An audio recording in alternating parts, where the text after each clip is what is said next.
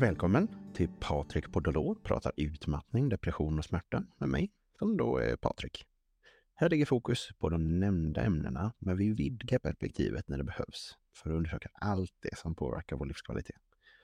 Jag vänder mig mest till dig där det är stressigare än önskvärt, som är tröttare och mer ledsen du vill vara och som vill ha en förändring.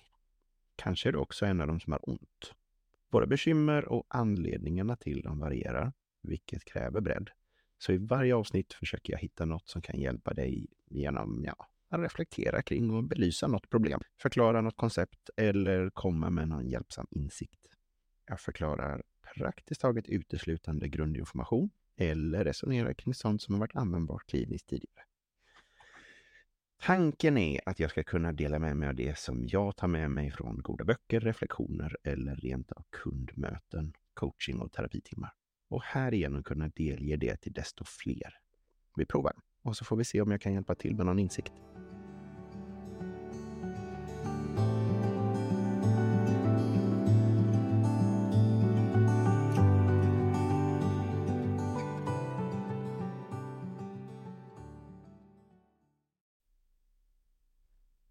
Vad är utmattningssyndrom?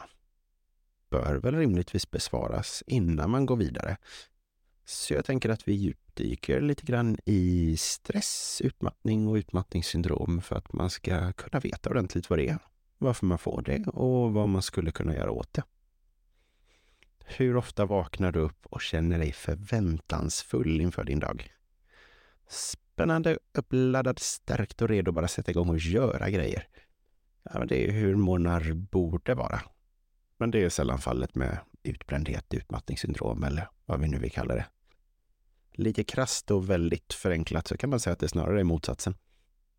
Kanske är du en av dem som säger att det är bara lite mycket just nu. Det finns de som kör på så i flera år. Eller så är du en av dem som säger, men det är så roligt och älskar allt. Ja, det vanskliga är att det kan bli för mycket och för stressigt även om det är roligt. Kanske har du varit hemma, sjuk av stress vid tidigare tillfällen och poletten trillar ändå inte ner. Du kraschar upprepade gånger och det tar dagar att återhämta dig när du väl gör det. Du skulle varken vara först eller sist med att göra så. Goda skäl till att det blir så skulle kunna vara att det är skittråkigt att vara luddigt sjuk och det är ganska vagt och diffust med den här typen av stressrelaterad ohälsa. Det blir ofta så långdraget att symptomen av det hela och mm, effekten som blir praktiskt taget blir till den man är. Det går inte att skilja bra nog på vem man är och symptomen. För att det ska, ja men det, det, kan vara bra kanske om man kan göra det för att se kontrasten noga nog. För att få till en tillräckligt tydlig gräns som kan krävas för absolut acceptans. Då blir det svårt att se var på skalan man är mellan tipptopp och nära kollaps. Utmattning är antagligen vad jag hjälper till med mest. Och jag tjatar ju om och om igen och jag kommer fortsätta tjata om det antagligen, om att alla de här tre sitter ihop. Men till viss mån så går det såklart att isolera dem. Reaktionen och vad som händer när det blir för mycket är ofta väldigt individuell. Det gäller både vad som är stressigt och vad som händer när det blir för stressigt. För det är olika saker, vad som är stressigt och vad som ja, blir konsekvenserna. Stress är en sån subjektiv sak. Och livet är en sån ja, jättestor hög med massa grejer. Vilket är varför det oftast är absolut nödvändigt att hitta en individuell lösning på problemet. Och där gör coachingen och någon som är med, tycker till, pekar och lägger sig i ofta väldigt stor nytta. Så man får det där perspektivet och någon som tittar från utsidan för att kunna lösa problem lite bättre. Här och där så kommer jag in på skolboksexempel. Och då verkar det kanske framför allt som att de stressrelaterade hälsoproblemen ja, de är vanligast hos kvinnor. 25 till 40 kanske, plus minus några år. Som arbetar inom servicebranschen, skolor, hälso och sjukvård är vanligt. Eller ja, någon chef på mellannivå kanske. Ägare av privata företag är inte heller helt ovanligt. Och notera här att det jag ogillar med vården även verkar då gå ut över de som jobbar där i märkbar utsträckning. Vårdpersonal är antagligen väldigt orimligt överbelastad i många fall. Så det jag ogillar med vad jag kallar vård är inte nödvändigtvis ett påhopp. I stor utsträckning så tänker jag att det är ett systemfel som gör att det blir som det blir. Men hur kommer det sig då att kvinnor lider mer? Ja, eller åtminstone söker mer hjälp? Kan det finnas någon slags duktig flicka-syndrom som gör att de lider mer? Kan samma sak för man och kvinna öka stressnivåerna mer för kvinnor? Eller är det någonting som får dem att hamna i mer stressiga situationer? Föredrar de att söka hjälp där männen hittar den någon annanstans? Bland ja, vänner eller i en flaska? Jag vet inte riktigt. Men vet du så upplys mig gärna. Det brukar hur som helst börja långsamt och sen utvecklas det tills man kraschar. Och mm, ja, så blir det ju bara om man inte gör något åt det under färden. Om det inte är tal om någonting förhållandevis långsamt och långdraget, ja, då är det tal om någonting annat än utmattningssyndrom, vilket förstås också kan vara stressrelaterad ohälsa. Anpassningsstörningar och PTSD, ja, men det är mer akuta varianter, men rimligtvis också ja, ganska stressrelaterat, absolut. Förhoppningsvis gör du någonting åt det tidigare när du är helt förstörd och står där helt utan resurser och lösa problemet. Men det är vanligt att man undviker, ignorerar, försummar eller ja, gömmer sig lite grann för att se det där sambandet mellan stress och någonting annat. Och till slut söker man vård för något annat istället, trots att det är stressen som är den bestående faktorn. Har du någonsin hört talas om någon som söker läkarvård för sitt hjärta? Typ panikattack ett exempel där. Andra orsaker till att människor söker läkarvård kan vara ja, ångest, minnesproblem, ja, men den här diffusa bröstsmärtan eller känslan i bröstet. Depression eller sömnproblem, det är inte lika, riktigt lika konstigt längre att man söker för. Huvudvärk dag ut och dag in, mag-tarmproblem. Det är nästan inte pinsamt alls att söka för jämfört med att säga att man är stressad eller annan fysisk smärta eller något obehag så där så att man kan ja, men, peka på något mer konkret.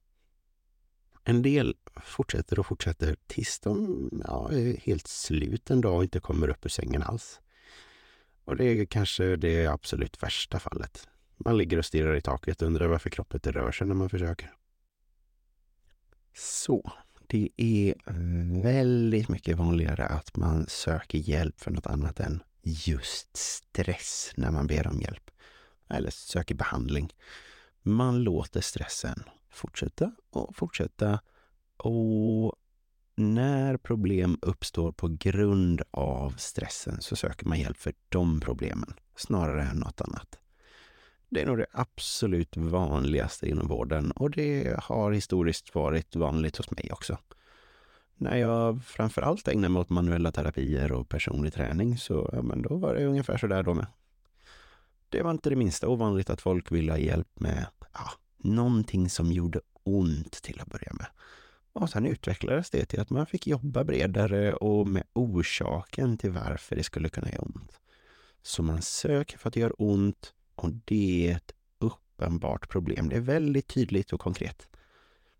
Sen börjar man diskutera. Man rotar i problemet och funderar på vad är anledningen?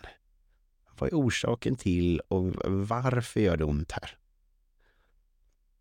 Med problem relaterade till stress, depression och ångest så har det inte heller varit ovanligt att man har sökt sig till mig för att man vill ägna sig åt personlig träning. För det verkar funka så pass bra mot problemen. Och då kan man väl absolut göra det. Men det kanske inte räcker att bara träna för att uppnå bästa möjliga resultat. I och med att jag har ja, jag forts fortsätter att ägna mig åt så att säga mindre fysiska problem så ja, då händer det fortfarande att man söker hjälp hos mig för någonting mindre som bara gör ont. Och ibland trillar den på lätt ner lite senare för att det kanske ska bli mer än så. Förhoppningsvis behövs inte det, men det händer absolut.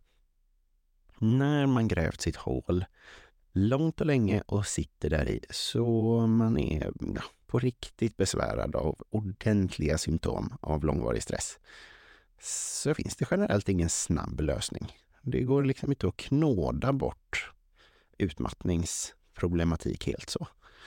När det väl har pågått tillräckligt länge, man har gått in i väggen, blivit utbränd, utmattad eller då uppnått alla kriterier som krävs för att man ska leva upp till diagnosen utmattningssyndrom, som vi ju ändå har som diagnos i Sverige, ja, men då har det gått för långt. För att nå dit så behöver man i regel jobba på ganska länge. Kärt barn har många namn, men ja, så länge vi vet vad vi pratar om så spelar det ingen större roll vad vi kallar det. Poängen är att det uppstår efter ordentligt långvarig stress utan tillräcklig återhämtning. Generellt sett så pratar man om månader om man inte kört på i mer eller mindre samma tempo i ja, år, kanske hela sitt vuxna liv och sen så når man en viss nivå efter en viss tid. Västra Götalandsregion skriver på sin hemsida att utbrändhet är en annan term som används men den betecknar en psykologisk reaktion på negativa händelser i arbetslivet och som har många olika definitioner. Varför den inte bör användas som en medicinsk diagnos. I engelskspråkig litteratur motsvaras utmattningssyndrom, exhaustion disorder, i stor utsträckning av begreppet clinical burnout.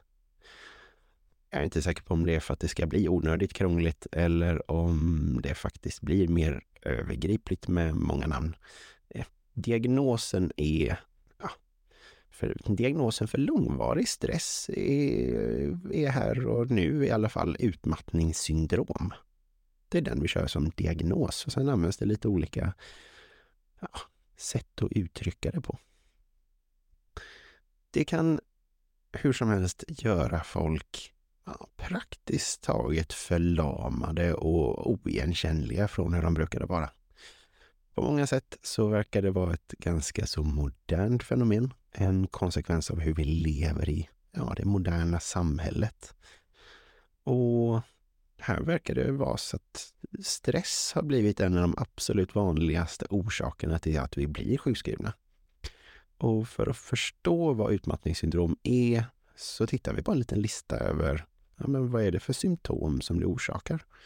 Och några av det absolut vanligaste är trötthet som en god början energinivåerna som en gång höll dig då produktiv och du var igång och gjorde grejer i ja, kanske 18 timmar om dagen. tar praktiskt taget slut innan du börjar göra någonting. Åtminstone är det känslan. Och det kan absolut vara realiteten också. Något knappt märkbart externt kan dränera dig fullständigt på energi. Och de där energinivåerna har laddats upp bra mycket långsammare än tidigare. Och det gäller i regel både för kropp och hjärna. Så att de är väldigt ofta sopslut båda två. Fysisk smärta, inte det minsta ovanligt. Lite överallt eller ja, på ställen där det inte finns någon bra anledning att ha ont alls. Förutom att det då faktiskt kan finnas skäl. Det var inte helt uppenbart. Utan det blir en psykosomatisk smärta från hjärnan som, ja, lite kanske förenklat och sådär, men det signalerar som ett rop på hjälp. Hjärnan gör allt i sin makt för att försöka dra i någon slags nödbroms för att få en chans till att vila och återhämta sig. Vanliga exempel är huvudvärk, rygg eller nacksmärta eller problem med underarmar och händer eller underben och fötter. Ibland till den grad att fötter och händer blir nästan helt oanvändbara i motsats till de praktiska verktyg som de har varit. Eller tillbaka då till den där bröstsmärtan som kan vara ett annat exempel. Stresskänslighet eller stressintolerans. Också väldigt, väldigt typiskt. Stress som du tidigare trodde var inte någonting. Det är, det är lite mycket nu. Det blir ja, men till slut helt överväldigande och det känns som hela världen kommer över dig. Och så bryter du ihop. Klarar inte mer och undrar, vad, har det alltid varit så här? Har det, det, nej, det går inte. Sen kommer det väldigt ofta sämre minne, hjärndimma, krasst uttryckt och faktiskt känna sig dum i huvudet. Hjärnan vägrar samarbeta som den brukade. Kognitiva besvär är ett kriterium för att få diagnosen utmattningssyndrom. Att det här är vanligt är uppenbarligen då helt rimligt. Men det gör ofta stor skada på både prestationsförmåga och ja, kan förstöra hela självbilden. Kanske är det här en följd av att stress över tid producerar mycket kortisol som praktiskt taget fungerar som någon slags neurotoxin och som ja, enligt vissa praktiskt taget kan orsaka hjärnskador. Känslor är ytterligare en bit. Och man börjar kanske fråga sig om man har haft alla de här jämt. Har jag alltid varit så här irriterad och arg över små saker? Har jag gråtit så här mycket tidigare? Och vad är det här? Och det är rimligt att det absolut är en skillnad där. Det är jättevanligt att känslorna som kanske en gång var på insidan, ja, de har ramlat ut nu. Syns och märks och finns ja, överskådliga för alla i regel. Sömnen, ja, den kanske går lite hand i hand med känslor för det är nog väldigt ofta ångest inblandat. Det känns som att man eh, Ja, det händer en massa grejer på nätterna istället för att man sover. Men den där, ja, en gång väldigt underbara grejen, ja, den är helt väck. Det ja, det har blivit utmattande och en kamp att sova. Ja, sova? Försöka sova, ligga och snurra omkring på nätterna. Jättevanligt. Helt galet. Det är väldigt vanligt när det är utmattningssyndrom att när sömnen fallerar, det är då det smäller helt. Då försvinner allting som hette återhämtning och sen så rasar resten med det. Man ligger och snurrar och så eskalerar alltihopa. Depression, här har vi en av de tre större grejerna ja, men den smyger sig på, eller åtminstone delar av det. Det är inte alltid man får allting. Alla som blir stressade över lång tid, de känner inte att de vill dö, men det är väldigt vanligt med hjälplöshet och lite mer allmän tragedi, negativitet och elände. Det, det verkar nästan höra till att hjärnan den sjunker neråt när det blir för mycket stress över för lång tid mörker och morbiditet. Det kan gott bli nya teman och man kanske hamnar rätt ner i ordentlig depression. För det har ju ändå hetat ja, utmattningsdepression tidigare och det är för att de går så väldigt hand i hand. Med depression, ja, då kan det absolut komma en massa ångest med det. Det är också väldigt vanligt att när det blir för mycket stress för länge, ja, men då kan man kanske få sin första panikattack. Eller bara lite mer sån där luddig känsla av obehag av ångest. Man har kanske aldrig haft ångest innan. Och sen börjar man prova det också. Vardagliga saker som tidigare har fungerat utmärkt.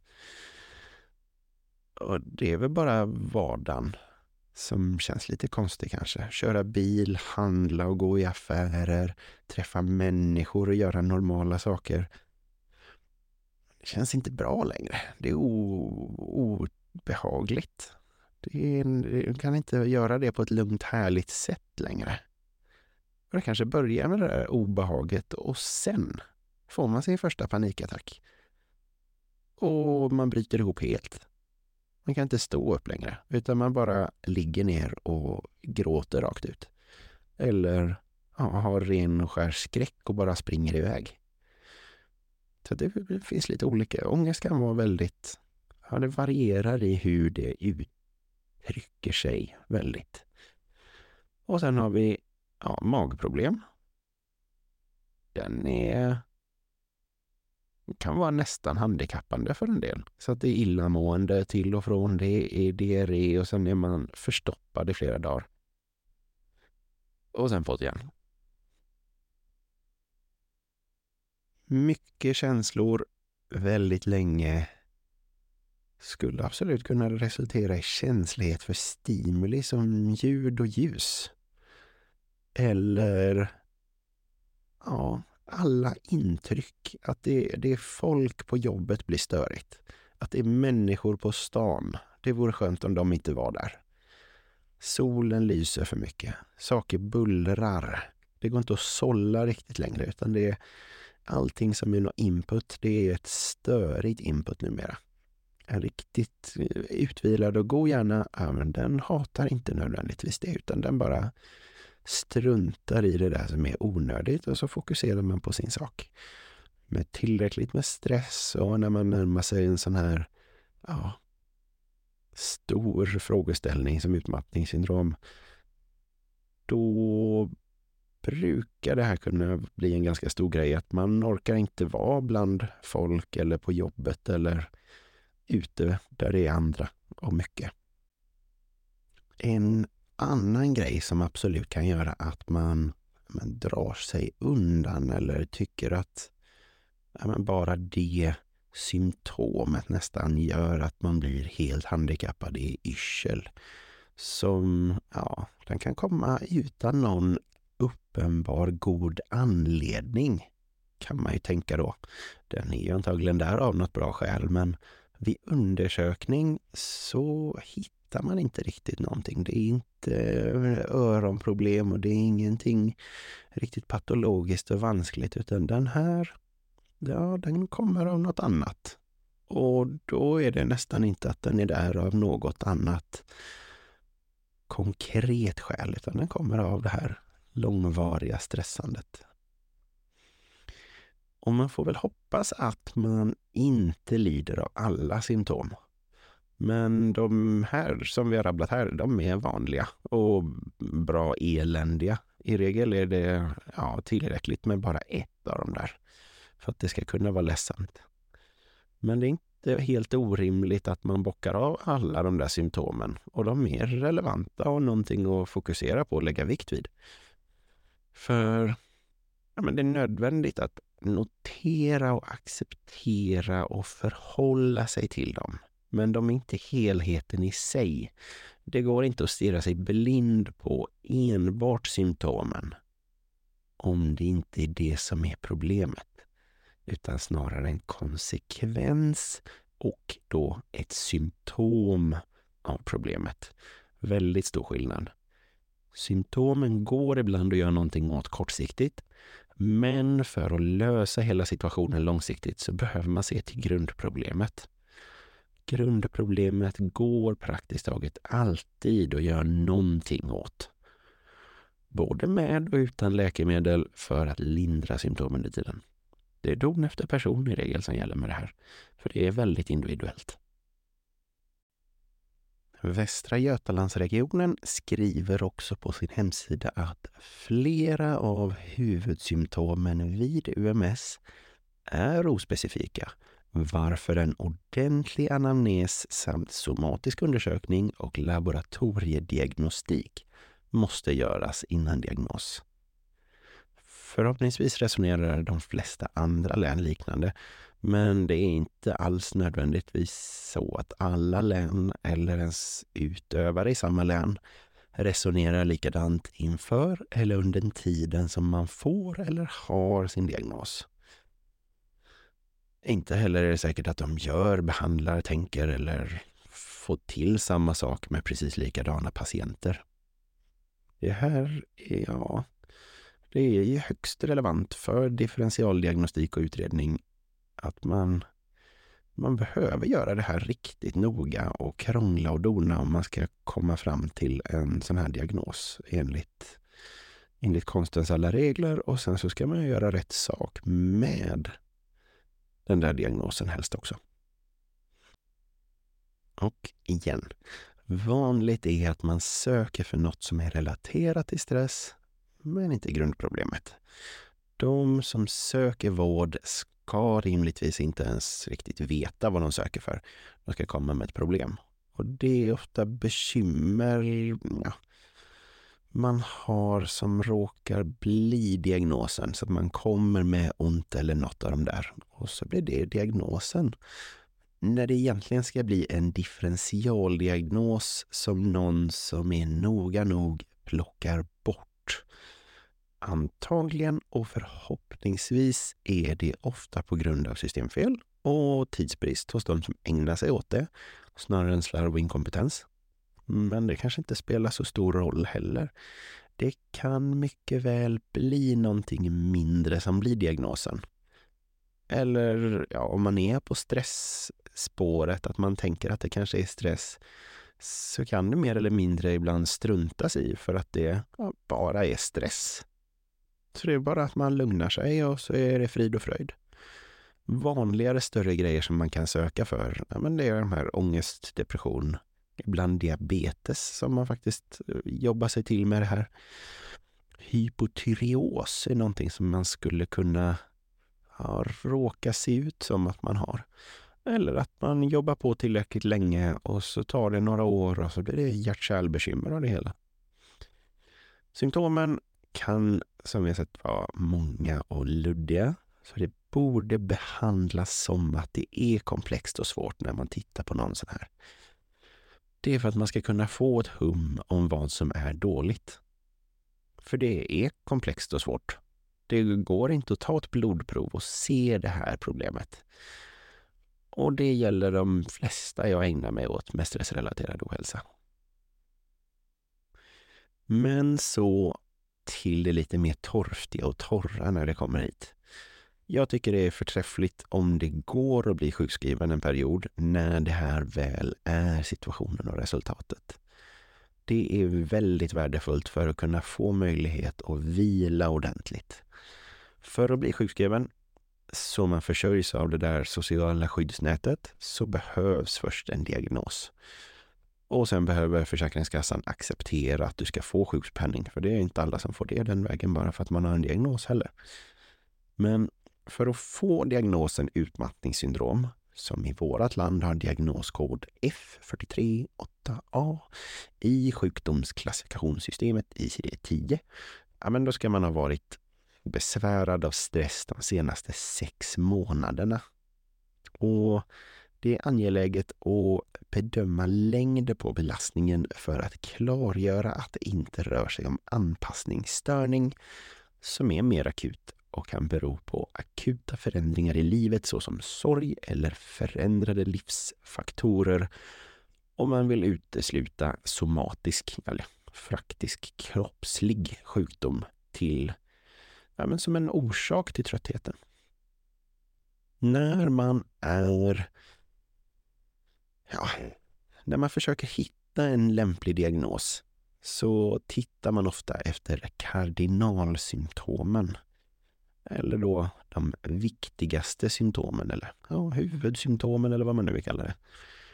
Och för UMS så är nedsatt energi, kognitiv funktionsnedsättning och nedsatt tolerans för stress främsta symptomen.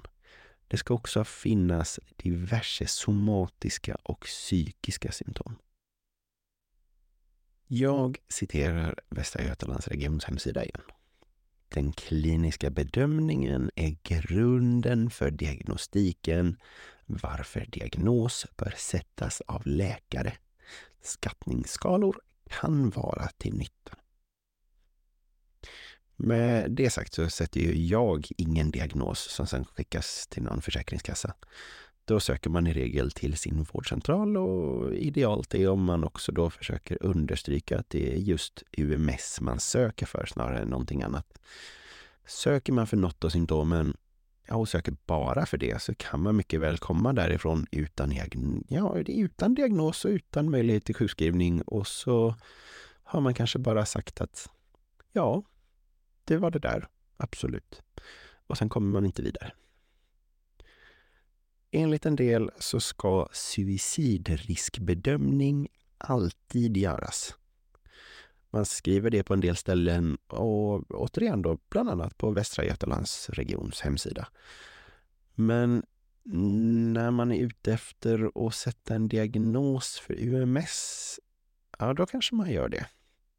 Men om man screena för det så sätter man där och kollar det.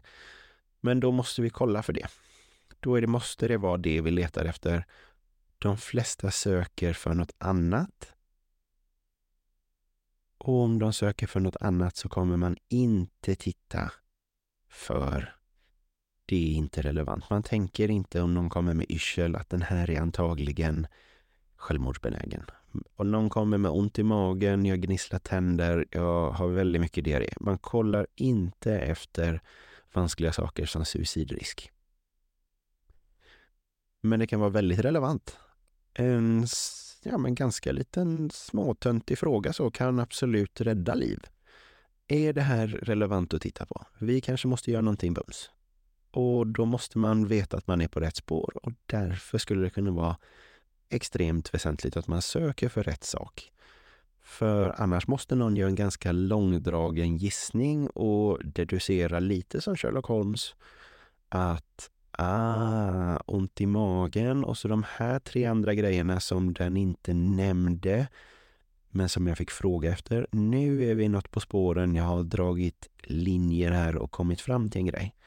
Men det har de oftast inte tid för. De grunnar inte alltid så mycket och länge för det är kanske inte riktigt deras uppgift där. Så lättaste sättet för vården att komma in på rätt spår, det är att söka precis för det du vill ha hjälp med. Så att de inte måste komma på att det är grundproblemet. Är man trött och less nog för att luta mot att hata sitt liv nog, för att inte vilja mer, så kommer man också mer mot det depressiva som skulle kunna utesluta diagnosen UMS. Och där kan det eventuellt bli lite rörigt, men så länge man är sjukskriven för någonting så kan man då kanske få andrummet nog ja, men, tillräckligt med plats och bara sitta ner en tid och vila. För det kan vara det som behövs. Om det står diagnos depression eller utmattningssyndrom så kanske inte det spelar så stor roll, men för själva behandlingen så spelar det roll. För Försäkringskassan och för sjukskrivning mindre väsentligt. De diagnostiska kriterierna för utmattningssyndrom skulle ju kunna vara relevanta att slänga ett litet öga på innan man börjar försöka rota i det här och se om det kanske då verkligen är det här som är problemet. Och enligt Socialstyrelsens kriterier för utmattningssyndrom så ska samtliga nedanstående kriterier vara uppfyllda för att diagnosen ska kunna ställas. De sista, E och F, är särskilt viktiga att beakta för korrekt diagnos. Och vi börjar med A. Fysiska och psykiska symptom på utmattning under minst två veckor. Symptomen har utvecklats till följd av en eller flera identifierbara stressfaktorer vilka har förelegat under minst sex månader. Så det måste ha pågått under en lång tid och verkligen brutit ner och tjatat på en under den tiden. B. Påtaglig brist på psykisk energi eller uthållighet dominerar bilden. C. Minst fyra av följande symptom har förelegat i stort sett varje dag under de här två veckorna. Och då har vi koncentrationssvårigheter eller minnesstörning, påtaglig nedsatt förmåga att hantera krav eller att göra saker under tidspress, känslomässig labilitet eller irritabilitet, sömnstörning, påtaglig kroppslig svaghet eller uttröttbarhet, fysiska symptom såsom värk, bröstsmärtor, hjärtklappning, mag-tarmbesvär, yrsel eller ljudkänslighet. D. Symptomen orsakar kliniskt signifikant lidande eller försämrad funktion i arbete socialt eller i andra viktiga avseenden. Arbete, socialt eller andra viktiga avseenden. Det blir lite luddigt men de har väl gjort så konkret som det går. Och sen kommer vi till de som är särskilt viktiga att beakta för korrekt diagnos.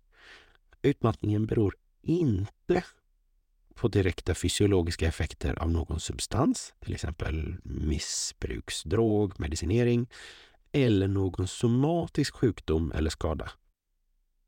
Exempel på ja, somatiska sjukdomar och skador, det kan vara ganska många, men brist på sköldkörtelhormon som vi nämnde tidigare, diabetes och infektionssjukdomar skulle kunna vara sådana lite luriga grejer. Om kriterierna för egentlig depression, nu är vi på F här nere som också är synnerligen viktig. Om kriterierna för egentlig depression, dystemi eller generaliserat ångestsyndrom samtidigt är uppfyllda anges utmattningssyndrom som tilläggsspecifikation till den aktuella diagnosen. Och då blir det mer en parentes än den huvudsakliga frågeställningen kan man säga. Om man bara skulle utgå från diagnoskriterierna så skulle det kunna ses som förhållandevis enkelt det här. De är ett litet gäng, man kan bocka av dem och det borde vara väldigt krasst och konkret. Man lever upp till kriterierna eller inte. Man får en diagnos eller inte. Och då kan Försäkringskassan dela ut sjukpenning om man då är sjuk. Det är inte alltid så lätt varken att få en diagnos eller att få igenom det hos Försäkringskassan om man väl får en diagnos. Men är man där och söker för rätt sak så är man åtminstone på rätt spår själv. Återigen, numera när man är deprimerad eller har en ångestdiagnos och har besvär med UMS så blir UMS en tilläggsdiagnos. Lite av den där parentesen då som jag sa. Och det är inte orimligt att man ser till den parentesen mindre även vid utredning och ja, både när man ska börja titta på det, när man ska sätta diagnos och när man gör någonting åt det. Det är antagligen lättare att sätta någon av de diagnoserna och försöka behandla dem än att försöka rota i en utmattning. Och det var ju heller inte länge sedan som det hette utmattningsdepression som jag sa. För att de är så snarlika på en del plan. Men inte gällande hur det behandlas, tänker jag.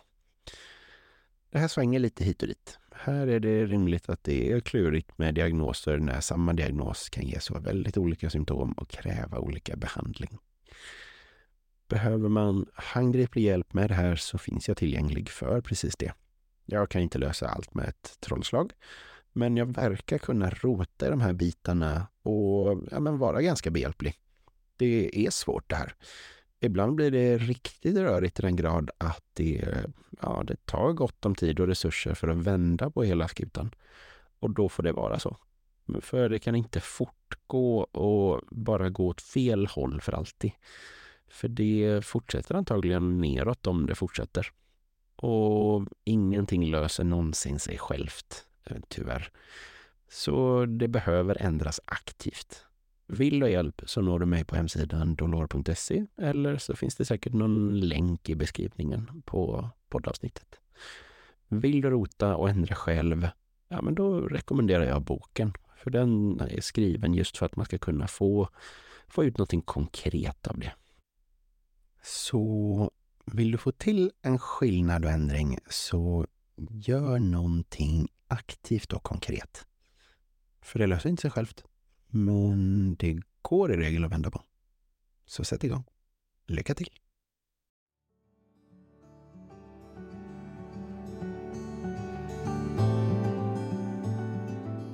Tack för att du lyssnade! Om du gillade avsnittet så prenumerera gärna för att få dem som kommer härnäst och dela det med dina vänner som kan ha nytta av det jag har pratat om här. För personlig hjälp med coaching för utmattning, depression och eller långvarig smärta eller manuella terapier, träning och rehab så kan man nå mig genom eh, ja, dolor.se eller mbdolor.com som leder till samma hemsida. Där hittar du också onlineverktyg och min bok som går djupare in på utmattning, depression och smärta. Vill du se mer av det jag delar? Ja, men följ mig på sociala medier. Sök då på mbdolor eller Patrik Dolor på Facebook och Patrik Dolor på Instagram. Har du frågor eller ämnesförslag kan du mejla mig på patrik.dolor.se. Ta hand om dig så hörs vi nästa gång.